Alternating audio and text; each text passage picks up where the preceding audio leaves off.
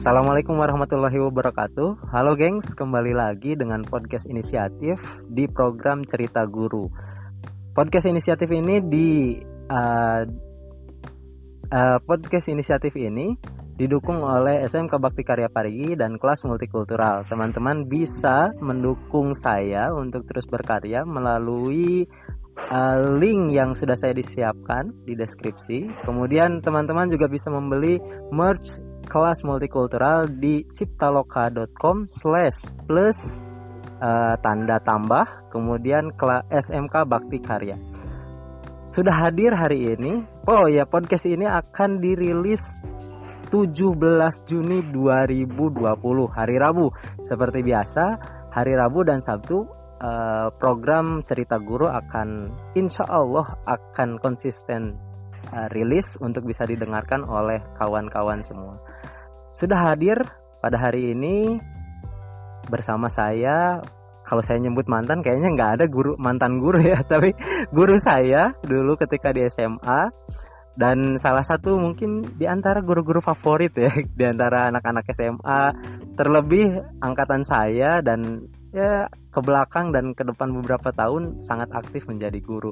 Perkenalkan Kang Sumadi, ya, boleh disapa Kang Sumadi. Ya, assalamualaikum. Waalaikumsalam warahmatullahi wabarakatuh.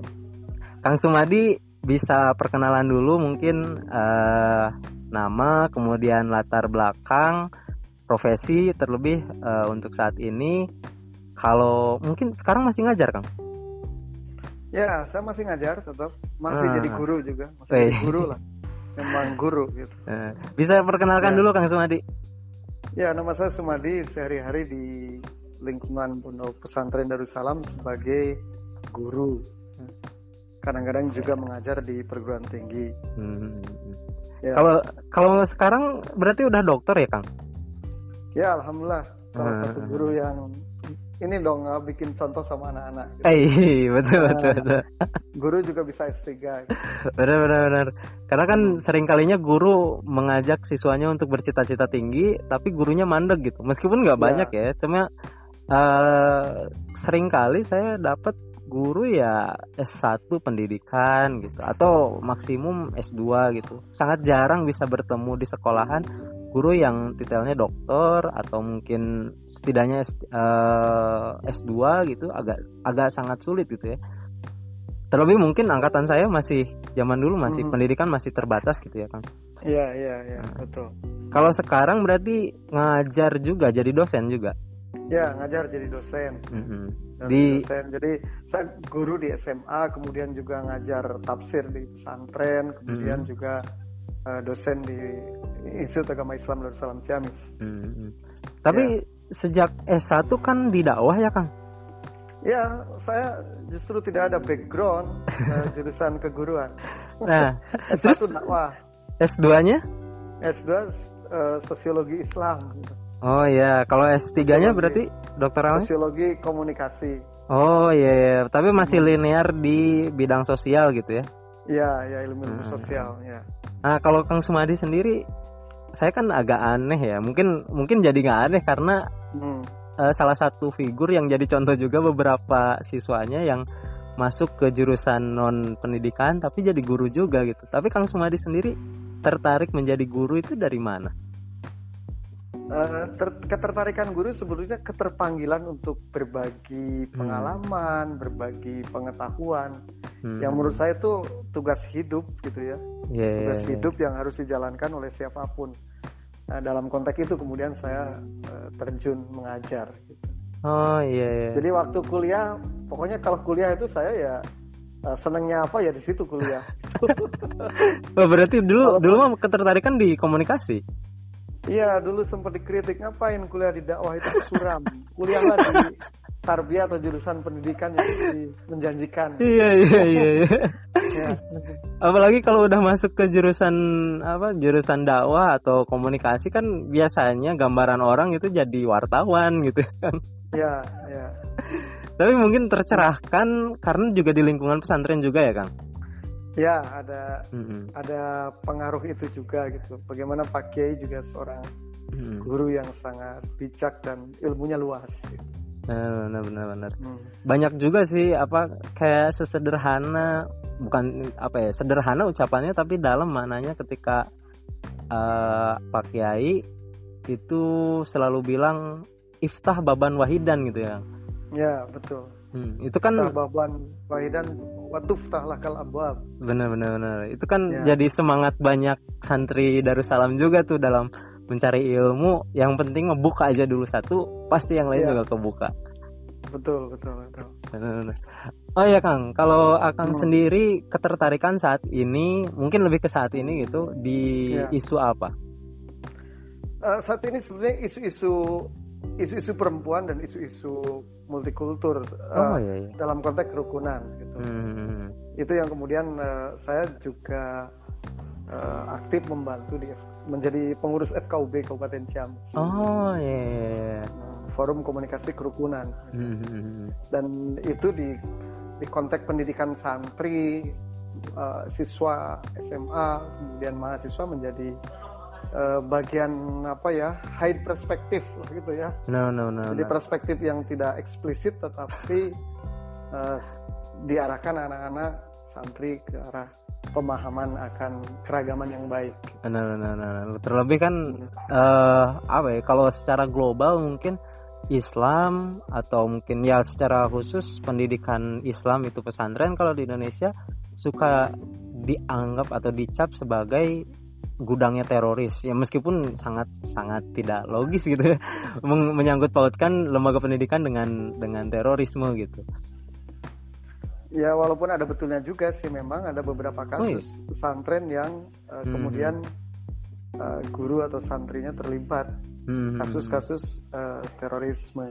Nah, menurut Tetapi pandangan itu, Kang Sumadi itu hmm. tuh dari mana sih awal mulak apa ya benih-benih uh, apa ya intoleransi di pesantren memang di titik mana sih? Karena kalau saya kan di Darussalam sendiri malah lebih diajarkan untuk toleran kemudian terbuka dengan orang lain gitu hmm. kalau menurut saya sebetulnya hampir semua pesantren Indonesia itu toleran damai hmm. itu nilai-nilai yang dipromosikan hmm. uh, membantu peduli gitu ya no, no, no, no. tetapi kemudian ketika itu bersentuhan uh, dengan ideologi-ideologi tertentu politik trans yeah, yeah, yeah. politik yang trans itu yang kemudian uh, beberapa pesantren mengubah dirinya menjadi hmm. semacam pesantren yang tidak toleran. Padahal hmm. watak dasarnya sesungguhnya uh, menurut saya semua pesantren itu toleran, peduli, menghargai hmm. orang lain gitu. Hmm. Tapi itulah uh, trans ideologi dan trans politik yang uh, menjadi virus yang kemudian yeah, yeah. Mereka bahkan menjadi tidak bersahabat lagi dengan temannya sendiri. Hmm. Dan godaan lembaga pendidikan untuk apa ya terlibat dalam isu-isu politik juga sangat banyak ya sangat banyak hmm. karena jalur lembaga pendidikan itu kan jalur yang sangat apa namanya efektif dalam konteks hmm. politik gitu. dan mungkin Aja. kalau di konteks Indonesia lebih cenderung murah daripada uh, jalur-jalur yang lain gitu ya betul nah, efektif efisien dan ekonomis ya, murah ekonomis ekonomis itu maksudnya benar benar benar uh, tapi ini juga karena Kang Sumadi juga dosen di apa di IAID berarti ya. ngajar ada berapa mata kuliah sekarang Kang? Saya, saya dua mata kuliah saja. Dua mata kuliah? sekarang ya metodologi studi Islam dengan hmm. uh, apa namanya filsafat ilmu sebagai dasar dasar untuk penelitian. Waduh, kalau filsafat ilmu. Iya iya iya. Kalau semester ganjil nanti uh, kajian gender dan Islam. Wih mantap. Gitu. Tapi kalau ngobrol dengan sahabat ilmu juga hmm. ini santapan wajib biasanya untuk mahasiswa-mahasiswa iya. ya. Mm Karena dasarnya juga kalau misalkan filsafat ilmunya udah udah belok, salah baca sedikit ya lumayan berbahaya juga gitu. Betul. Uh, pemahaman masalah yang baik itu kalau hmm. ia sudah memahami filsafat ilmu dengan baik. Hmm.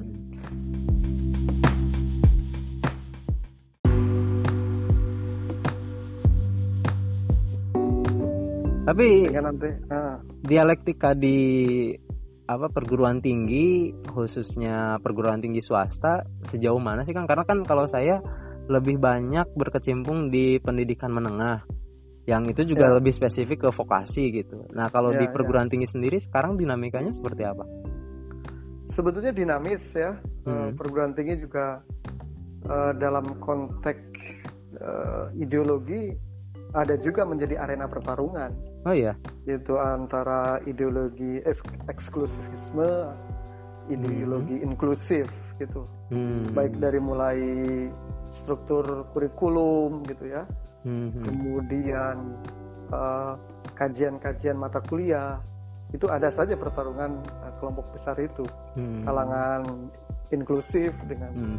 kalangan eksklusif. Gitu. Iya, gitu. yeah, kalau kalau di pendidikan mungkin gaya-gaya yang sekolah-sekolah inklusif dengan sekolah-sekolah yang eksklusif, apakah sama gitu? Uh, kalau di perguruan tinggi itu sebenarnya sangat tergantung dari pengelola dan para dosennya yang dominan oh, yang iya. mana gitu. Hmm. Nah, kalau uh, ya gaya-gayanya agak uh, kalau di perguruan tinggi ada pertarungan gitu. Kalau hmm. di kalau di uh, menurut saya gitu ya di di pendidikan-pendidikan menengah ke bawah itu cenderung kalau sekolah itu sudah eksklusif ya biasanya uh, ah. satu kata semua gitu, satu kebijakan, satu yeah. garis gitu. Nah kalau di perguruan tinggi itu dalam satu institusi ada dua itu. Yeah. Gitu. Dan itu lumrah di banyak perguruan tinggi berarti? Iya, itu tapi uh, perguruan tinggi menurut saya ini sudah sangat bagus lah uh, mm-hmm. teman-teman mengenal nilai-nilai keragaman, benar, kerukunan karena uh, saya sendiri juga ber apa bermitra dengan misalkan lembaga-lembaga keagamaan yang bukan Islam.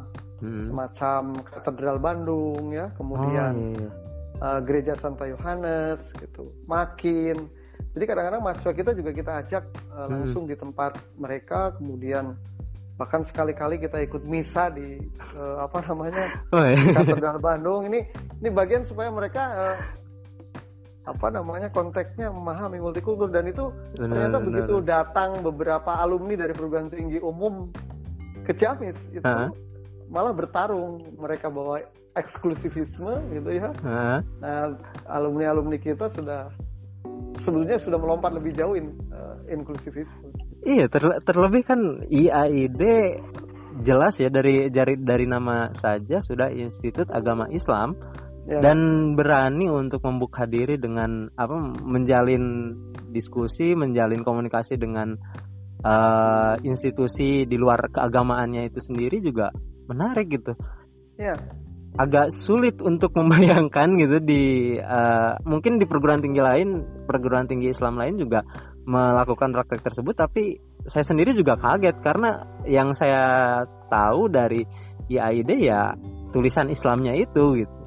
Ya itu biasa kita datangkan Romo untuk bicara tentang LGBT uh, bicara tentang kerukunan. Itu di kampus bukan di mana-mana kita yeah. datangkan dari Makin ya Makin Makin itu apa makin itu majelis uh, agama Konghucu.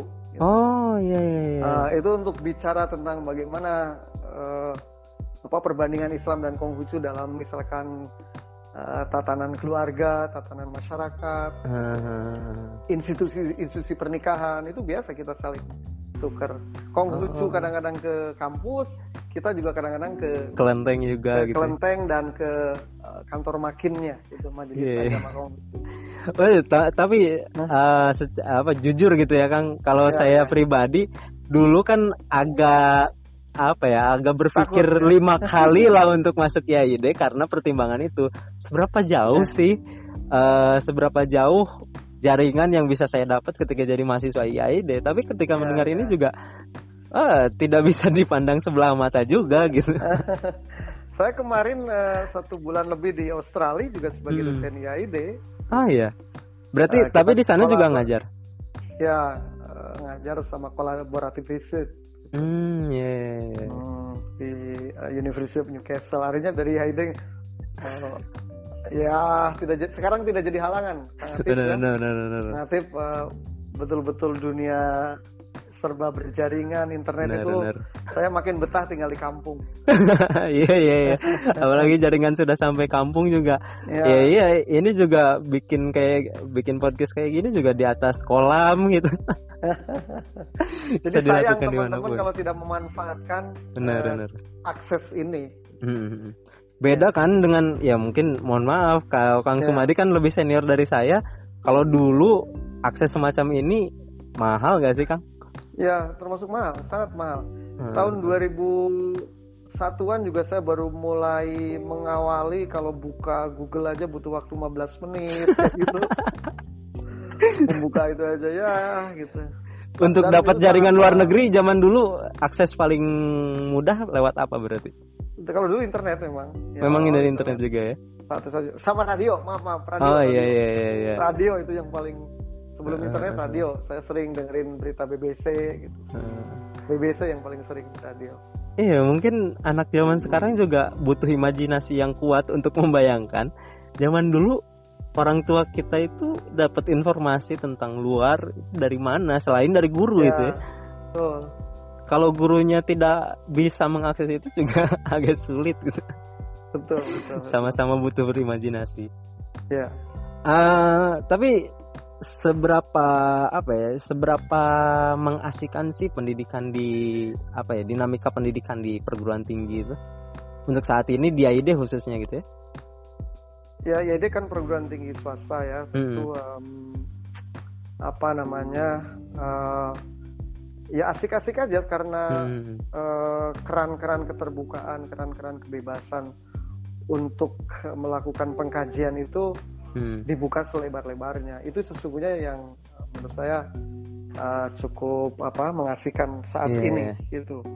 Jadi sudah tidak ada ganjalan lagi uh, konteks tradisi agama hmm. atau di, misalkan kita berpikir anu dipandang tidak beretika dan seterusnya hmm. itu sudah sudah mulai hilang. Jadi uh, walaupun ya ini juga pengaruh sebetulnya pengaruh globalisasi ya. Mm-hmm. Kita menggunakan uh, apa namanya serba digital di ya mm-hmm. walaupun di kampung ini kan kita serba digital ya program yeah. gitu. Jadi uh, misalkan nilai apa macam-macam bisa dicek uh. secara online gitu. Iya sampai bisa, sebagai dosen bisa nah uh, sebagai dosen kita kita ber, bisa berkompetisi secara nasional secara internasional benar benar benar jadi uh, ya cuma memang mitra bicara yang kadang-kadang ya ya kurang ya. gitu akses akses untuk mendapatkan apa ya jaringan yang beragam itu yang agak sulit mungkin ya iya iya hmm. ketemu langsung lah gitu iya. walaupun yeah. secara online kita bisa hmm. uh, ikut uh, apa ter terja terkoneksi dengan berbagai grup gitu. Benar benar benar. Uh, kalau di AID sendiri akses mahasiswa untuk mendapatkan informasi difasilitasi oleh kampus gak? Ya kita fasilitasi ada wifi ya hmm. di hotspot hotspot sekitar seluruh kampus gitu. Hmm. Kemudian juga perpustakaan gitu ya. Hmm dulu kita uh, lima perusahaan perguruan tinggi swasta di Indonesia yang jadi percontohan oh, karena iya. perpustakaan perpustakaan kita juga otomati otomatisasi jadi berjaringan juga dengan perpustakaan yang lain oh iya iya iya, iya, iya. gitu walaupun Tapi, sekarang anak-anak sekarang lebih cenderung lebih ke akses online lebih lama daripada iya, iya, iya. yang lain saya juga kaget ya perkembangan apa ya perkembangan podcast juga padahal kan sudah sejak lama gitu ya Cuma ya. saya juga baru nemuin nemuin semangat semangat uh, mendengarkan podcast orang lain juga beberapa bulan apa beberapa tahun kebelakangan gitu.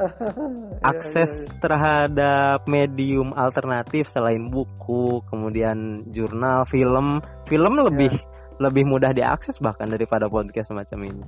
Iya iya iya. Uh, kalau ini Kang uh, teknik ada sih ada gak sih karena Kang Sumadi kan mengajar di uh, sekolah menengah juga ngajar di ya. Perguruan tinggi juga uh, apa sih yang membedakan antara mengajar uh, remaja dengan orang yang mau masuk ke tahap dewasa kalau saya kalau untuk SMA sama mahasiswa itu hampir hmm? tidak dibedakan gitu. oh jadi tetap anak-anak SMA itu dikenalkan uh, teori dasar, uh. kemudian bagaimana teori itu diterapkan, bagaimana mengkritisi teori itu, yeah, yeah. ya dan bagaimana misalkan uh, kontekstualisasi dengan problem-problem yang dihadapi masyarakat gitu. Hmm. Saya kira uh, walaupun mungkin uh, akses apa waktu lebih lebih banyak mahasiswa dibanding dengan benar, benar. siswa. Gitu. Hmm. Nah, ini... Saya kira uh, kita saya suka ini agak anak-anak SMA kita kadang-kadang juga wawasannya sangat luas. Iya iya iya, iya. lebih gitu, liar itu, gitu ya daripada oh, guru-gurunya. Lebih liar. Iya penguasaan teknologi sama wawasannya lebih luas. Cuma anak-anak kita itu baik-baik ya apa yang sampaikan guru didengerin baik-baik. itu bagusnya.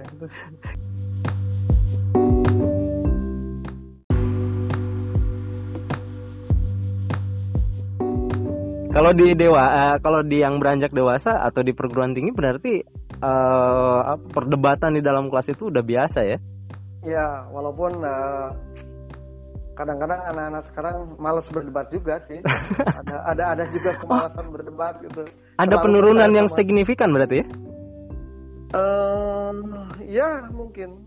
Hmm. Ada sedikit lah penurunan-penurunan tentang tradisi berdebat karena berdebat mungkin dianggap tidak uh, beretika gitu. atau tidak seolah-olah tidak mengeluarkan apa uh, tidak memunculkan uh, jalan keluar gitu lebih ke ya. fokusnya ke adu argumen aja gitu ya, ya tapi tapi lumayan lah perkembangannya sudah uh. ada keberanian keberanian untuk misalkan mahasiswa uh, berpikir out the box gitu. hmm. misalkan dalam undang-undang nomor uh, satu tahun 74 tentang pembagian waris itu kan hmm. prinsip umum umumnya perempuan du, uh, satu laki-laki dua. Hmm. Nah kemudian dengan sejumlah argumentasi sosiologis historis mahasiswa banyak yang berpendapat bahwa dibagi rata itu hmm. sudah banyak berani. Sampai kemudian oh. pernah ada yang begitu uh, di oleh penguji hampir tidak lulus karena kesimpulannya dibagi rata gitu sesuai dengan perundang-undangan gitu. Uh, tapi tapi dialektika tersebut emang apakah sering kali keputusan-keputusan hadirnya dari diskusi-diskusi kelas seperti itu? Ya, salah satunya. Salah satunya diskusi-diskusi kelas itu menjadi awal. Hmm. Nah, selain diskusi-diskusi kelas juga ya lumayan di sini teman-teman dalam seminggu ada tiga kali lah kajian-kajian hmm. itu di berbagai dari mulai kelompok prodi kemudian uh, juga HMS HMPS gitu. Hmm. Oh iya, saya jadi punya hmm. apa ya punya sudut pandang yang baru sih tentang YID karena hmm. ya. memang mungkin karena dari kecil juga dibesarkan di lingkungan YID kan jadi dari dulu ah, ya kampus yang biasa saya lihat dari kecil tapi sekarang baru lihat apa ya baru merasakan perbedaannya karena ketika ngobrol kayak gini gitu. Karena jarang juga ngobrol sama uh, sama ibu saya sendiri meskipun dulu dosen tapi jarang ngobrol banyak tentang apa sih keunggulan atau dialektika apa sih yang ada di IAID gitu. Ya ya. Uh, uh, ini Kang mungkin kita masuk juga ke ranah uh, gimana kalau Kang Sumadi sendiri apa ya membuka peluang membuka peluang mahasiswa atau siswa mungkin kalau di SMA uh, eh, membuka yeah. peluang mereka untuk berpikir lebih kritis berpikir lebih ya setidaknya lebih daripada gurunya gitu. Iya. Nah uh, peluang-peluang itu misalkan uh, kalau saya biasa mengasih sejumlah jurnal terupdate gitu. Hmm karena jurnal itu isinya adalah riset-riset terupdate gitu hmm. sesuatu sesuatu yang tabu saya kasih hmm. misalkan jurnal tentang pernikahan beda agama hmm, yang iya. kebolehan yeah. pernikahan beda agama gitu ya. uh, kemudian uh, jurnal tentang uh, apa ya poligami itu sebagai sesuatu yang KDRT uh. dalam rumah tangga. Kalau dalam norma itu kan sunnah Nabi. Iya iya iya. Nah, iya. Jadi jadi pem, uh, literatur-literatur yang progresif huh? yang itu kemudian dikasihkan sama teman-teman dan didiskusikan itu hmm. itu awal mula teman-teman ter, tersadarkan ternyata banyak hal-hal yang ah, iya, iya. Uh, bikin mereka bisa progresif di dalam berpikir gitu. Ah. Salah satunya, salah satunya itu begitu. Oke, sudah mah. Ini ini banyak Gimana? alumni pesantren ya. Ah? Uh, misalkan di AID itu di di hukum keluarga itu doa atau syariah itu banyak. Alumni alumni pesantren uh, yang dan bukan dari Darussalam aja ya? Dan bukan dari Darussalam. Yang hmm. bacaannya rata-rata literatur abad ke-7 sampai 14 yeah, yeah, yeah, yeah. gitu yang konteksnya aja udah beda ya, gitu ya. Konteksnya beda tapi digunakan untuk uh, misalkan menghukumi atau hmm. menjustifikasi realitas hari ini. Hmm. uh, itu ramai ketika dikasih perspektif-perspektif baru. Gitu. Jadi kadang-kadang ada yang emosi gitu. Sambil lucu juga. Tapi nanti satu dua satu dua tiga pertemuan uh, mereka baru menyadari. Uh, uh, tapi jadi ada lucu secara simbol lucu nih kang Atif ya. Uh, misalkan semester satu itu pada pakai kopea semua kata hampir satu kelas nanti semester dua mulai setengahnya. Iya yeah, iya. Yeah. semester tiga itu habis gitu. Mulai ada yang gondrong gitu ya. Uh, itu dari segi simbol aja udah begitu lucu juga. Uh, oh iya kalau saya simbol itu berkaitan juga dengan uh, progresivitas dia berpikir. Gitu. Oh uh, ada. Ada korelasinya. Hmm. Hmm, gitu. Uh, kalau dari ini sendiri Kang, karena kan nggak kondusif juga ya ketika kelas isinya emosi gitu ya. Maksudnya dosennya ma apa dosennya tidak mau kalah, siswa eh, apa mahasiswanya juga tidak mau kalah gitu, ngotot dengan pendirian masing-masing. Untuk apa mengkondisikan dinamika yang terjadi semacam itu kayak gimana kalau yang Kang Suma dilakukan? Saya pernah beberapa maksud saya agak emosi ketika saya kasih pencerahan tentang hmm. tadi misalkan kebolehan nikah beda agama, hmm. uh, fikih madhab Indonesia gitu ya. hmm. ya, uh, kemudian perlu memperhatikan LGBT misalkan begitu. Nah itu itu sensitif ya, sekali ya. Saya sebagai dosen ini apa namanya tahan diri.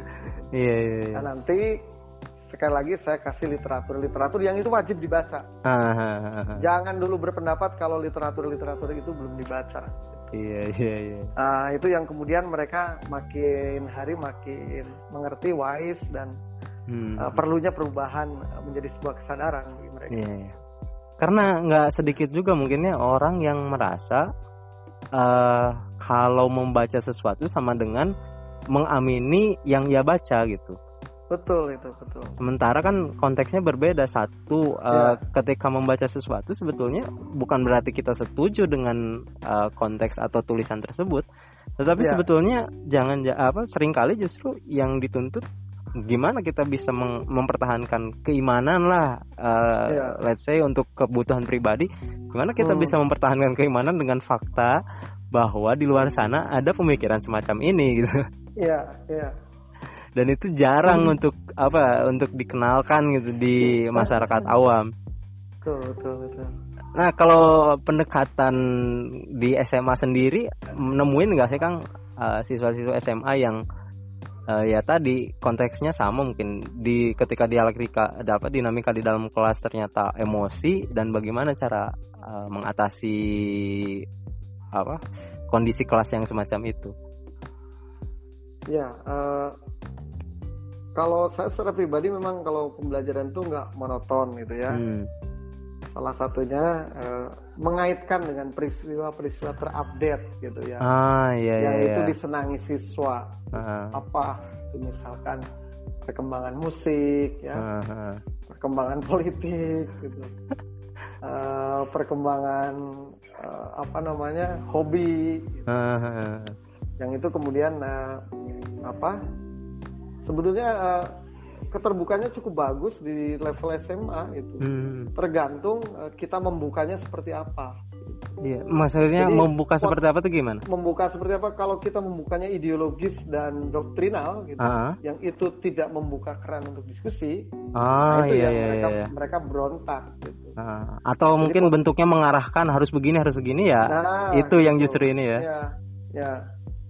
Jadi suasana dialogis itu yang kemudian uh, bisa mengapa uh, mengeliminasi lah gitu hmm, hmm. hal-hal yang yang emosional. Hmm.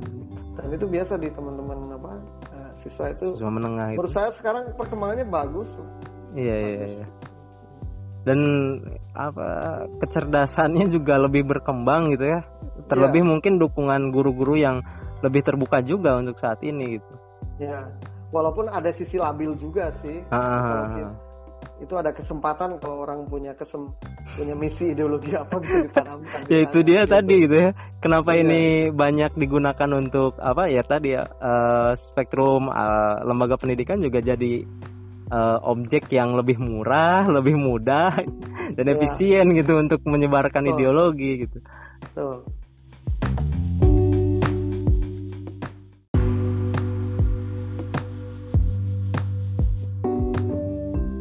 Ah Udah menit ke berapa? Oh, udah menit ke 30. Kita masuk oh, gitu, ke segmen gitu. terakhir, Kang. Segmen yeah. terakhir ini kita, uh, saya mau minta satu atau dua rekomendasi buku, film atau media lain lah yang bisa jadi rujukan guru-guru atau siswa-siswa di luar sana gitu. Hmm. Boleh uh, kasih satu atau dua gitu. Ya.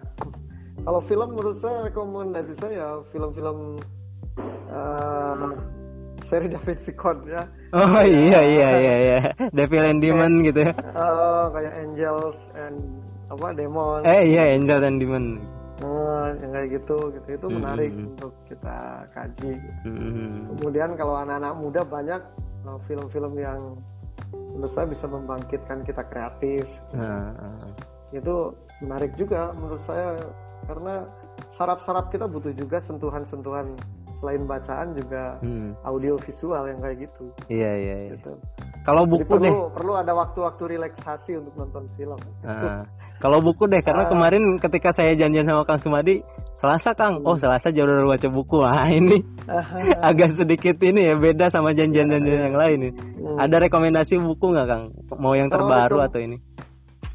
Kalau buku misalkan ada buku The Tao of Islam kata tulisan uh, Murata itu sangat bagus gitu ya. hmm. ya. The Tao of apa? Kalau The Tao of Islam berarti bisa diakses di toko buku ya, lebih mudah bisa diakses. Bisa diakses di toko hmm. buku. Saya nyarinya malah pernah hilang itu sekarang di toko-toko hmm. apa kayak gitu bisa dicari. Oke okay, oke okay, oke. Okay. Itu uh, maksud saya uh, religius, rasional, uh. kemudian berbasis ilmu pengetahuan.